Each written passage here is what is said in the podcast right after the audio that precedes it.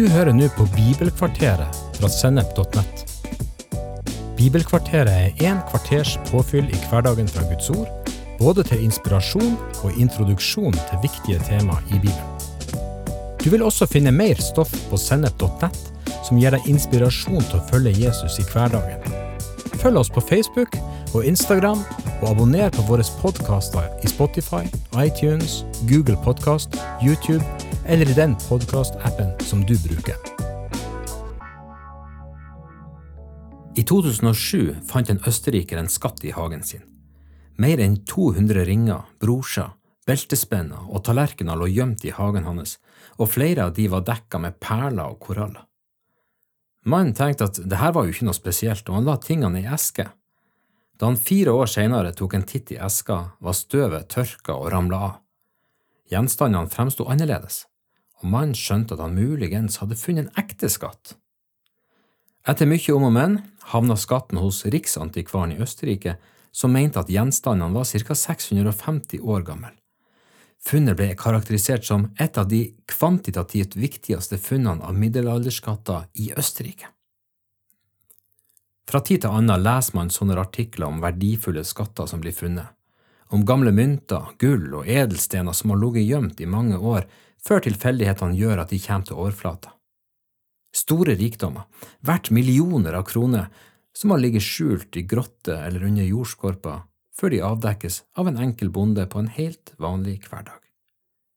Jeg elsker sånne historier. Men samtidig har historie et trist element i seg. Verdier som kunne vært brukt til å forandre menneskeliv, har ligget uvirksomt og ubrukt, gjemt i støv og skit samtidig som fattige bønder i generasjoner har slitt for å holde sulten fra livet, var rikdommen gjemt i den samme tørre jorda de forsøkte å dyrke til livets opphold. Av og til snakker jeg med mennesker som har levd lenge med Jesus. Jeg får høre historier om drømmer som brast, om frimodige Jesusdisipler som etter noen år med livets prøvelser endte opp i et stille liv som møtegjengere om nådegaver som tidligere var virksom, men som nå var bare et vagt minne, om problematiseringer og tvilstanker som stjal fokus og frimodighet, og som gjorde at en valgte det trygge framfor å by på seg sjøl. Triste historie. Historie om tapt rikdom. Store verdier som kunne ha gitt liv til andre, ble i stedet liggende urørt. Andre ganger snakker jeg med disipler med svakt selvbilde mennesker som tviler på verdien både av seg sjøl og sine egenskaper, som alltid tror at alle andre har mer å by på, men som innerst inne har et sterkt ønske om å få lov til å gi av det som de har. Mennesker som er blitt fanga av janteloven, og som venter med å bidra til de er helt sikre på at de er blitt spurt, og på at deres bidrag virkelig er ønska. I sånne situasjoner kan det virke lettere å kanalisere all energi på studier, jobb og fritidsaktiviteter. Problemet da er at fellesskapet blir fattigere, og du får heller ikke fullført de oppgavene som Gud faktisk har lagt klar for deg. Men som disipler så er vi rike. Vi er skapt i Guds bilde, akkurat sånn som Han ville ha oss, klar til tjeneste for Han. Hver eneste en av oss har et vell av rikdom i gaver og utrustning, gaver som kan gi liv og skape forandring for verden rundt oss.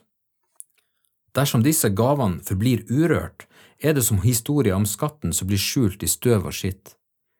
De kommer ikke til nytte. Nøkkelen til vekst i Guds rike er at hver enkelt kan finne glede i å by på seg sjøl. For Gud har ikke investert i oss uten grunn. Ditt liv er bare en liten bit av et mye større bilde. Det Han har lagt inn i deg, passer perfekt sammen med talenter og gaver Han har gitt til de andre. Han har klare forventninger til avkastning.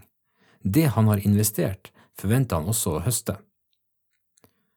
Bibelen bruker bilder på menigheter som skal hjelpe oss å forstå at den enkelte er viktig. I Paulus' undervisning om kroppen, menigheter, ser vi hvordan hvert enkelt lem er avgjørende. I første Korinterbrev kapittel 12 leser vi følgende Det er forskjellige nådegaver, men ånden er den samme. Det er forskjellige tjenester, men Herren er den samme. Det er forskjellige kraftige virkninger, men Gud er den samme, Han som er virksom og gjør alt i alle. Hos hver enkelt gir Ånden seg til kjenne slik at det tjener til det gode. Så fortsetter Paulus kroppsallegorien der han tar et skikkelig oppgjør med partisinn, jantelov og mangel på kjærlighet. Alle kjenner konsekvensene når en kroppsdel, om den er liten eller stor, er satt ut av funksjon. Det fører til smerte, dårligere rørlighet og skjevbelastning. Hele kroppen lider og vil i mindre grad kunne utføre det den er satt til å gjøre. Hvert enkelt lem er viktig. Hver eneste person er kalt til å være seg sjøl og være en frimodig bidragsyter. For å kjenne seg sjøl og sine gaver er det helt avgjørende at vi kjenner Gud. Gud er god. Han har en god plan. Han er din trofaste pappa, og han er full av kjærlighet. Han er ingen slavedriver, men en far som etter alle kunstens regler vil hjelpe sitt barn til vekst og fremgang. Som foreldre så vil du tillate at barnet møter visse utfordringer. Du vet at motstand fører til vekst, og samtidig som barnet strever litt, følger du prosessen tett fra sidelinja.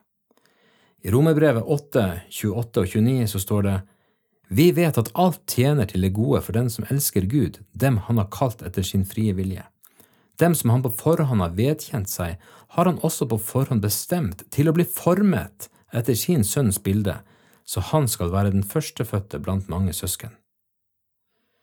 I en annen oversettelse står det at alt samvirker til det gode. Alle situasjoner og utfordringer som du møter, vil Gud altså vende til vekst og fremgang for deg.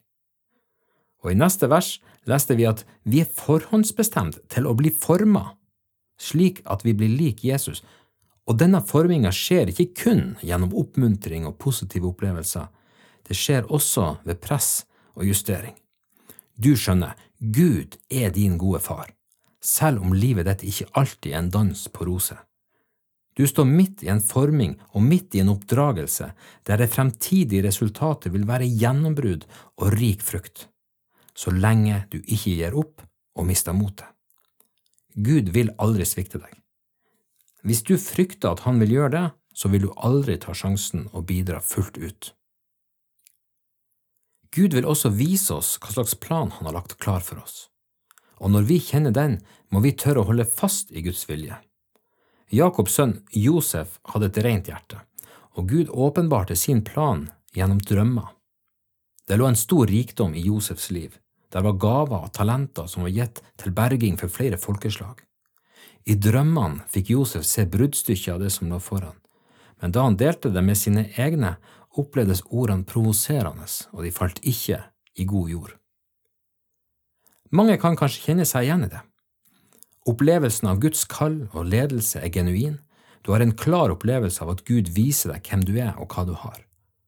Likevel kan du sjøl kjenne på vantro og usikkerhet, og samtidig kan du møte likegyldighet, sjalusi eller motstand fra de som er rundt deg. Men motstanden gjorde ikke Josef til en bitter mann. Han fortsatte med å være seg sjøl, og han fortsatte med å lytte til Gud. Han var en mann som frimodig tok ansvar og lederskap, og samtidig tok vare på sin integritet. Dette gjorde han uavhengig om han var sønn, slave, fange eller konge. Det kan du òg gjøre. Sørg for at Guds stemme er toneangivende, for da må tvil og vantro fra deg sjøl og andre tie. Tør å tro på det Gud har sagt og har han sagt det, så har han også makt til å gjennomføre det. Når du tør å stole på Gud og stå frem som den du virkelig er, vil du samtidig passe perfekt inn i et større bilde. Bibelen snakker om oss kristne som en kropp. Det vil si at du er en kroppsdel som virker sammen med de andre kroppsdelene. Kroppen henger sammen og skal uttrykke noe i fellesskap. Se for deg at du hilser på en ny person. Dere trykker hverandres hender, og dere snakker sammen. Øynene møtes, og det utveksles ord som gjør at dere begynner å bli litt kjent. Det ville da vært veldig merkelig dersom vedkommendes føtter eller hender begynte med sine egne prosjekter mens dere hadde første samtale. En kropp skal i utgangspunktet uttrykke og utføre ting i fellesskap. Sånn er det også med menigheter. De lemmene eller personene som du er satt sammen med, er der for at dere i fellesskap kan uttrykke Jesu liv der dere er. Det er en samhandling som er avgjørende for at mennesker rundt kan bli berørt, forandra og utrusta av Jesus. Kristne som er skuffa, de holder ofte på med sine egne prosjekter. Det føles som det beste, for da slipper man flere negative opplevelser. Det kan kanskje kjennes tryggere å støtte et misjonsprosjekt i Afrika enn å stå tett sammen med en kristen bror i nabolaget. Men da får ikke Jesus gjort den jobben han ønsker der du bor. Skal du være en disippel, må du velge å ta opp korset og legge bak deg det som hindrer samhandlinga. Menigheta bygges ved at Jesus er hjørnestein og vi er levende steiner i hans hånd, steiner som stiller seg sjøl til rådighet for å være en del av byggverket, og som ikke lar gamle erfaringer føre seg inn i reservasjon. Menigheten representerer et overflodsliv der alle med iver byr på seg sjøl. Da Moses skulle bygge tabernaklet, ble det ropt ut hva som trengtes. Ingen ble spurt direkte eller pressa til å gi, men folket hørte fra Gud, og en enorm giverglede ble forløst. Alt fra store akasietrær til skinn og edelsteiner ble gitt til bygginga, og det i en sånn overflod at Moses måtte stoppe folket fra å gi mer.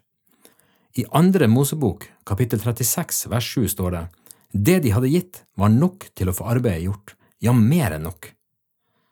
Har du noen gang opplevd at menigheten har vært for aktiv? At lovsangsbandet er så stort at det ikke er plass på scenen? At måltidene dere har sammen, har en sånn overflod at det blir rester i lang tid etterpå? At folk som vil bidra med åndens gaver eller vitnesbyrd, blir avvist da det ikke er mer tid til rådighet? Eller at de økonomiske gavene strømmer inn i en sånn mengde at vi ikke aner hva vi skal bruke pengene til? at alfakursene har for mange veiledere, og at evangelistene inntar byen i altfor stort antall. For de fleste av oss er dette en ukjent problematikk. Vi er sannsynligvis fremdeles langt unna den situasjonen som Moses opplevde. Men dersom alle frimodig begynte å by på seg sjøl, ville det kanskje likevel ikke være så usannsynlig. Jeg ser med glede fram til den dagen jeg må be folk om å dempe seg, for alle ønsker bare frimodig å tjene med det som de har fått kan det være tid for å tørke støv av skatten. Kan det være tid for å anerkjenne det du har fått, og ville gi det videre. Det du har fått, kan nemlig være forskjellen på liv og død. Det kan bety forskjell på framgang og tilbakegang, både for deg sjøl og de som står rundt deg.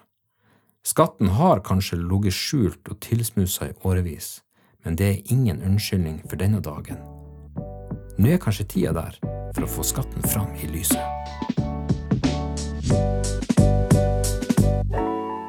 Du har hørt en episode fra Bibelkvarteret på sennep.nett.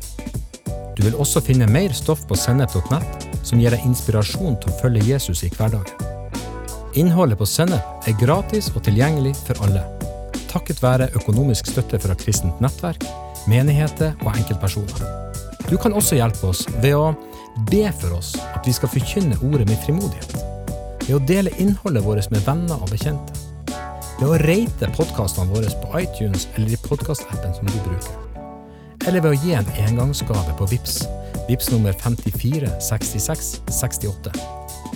Takk for at du lytter til Sennep.nett.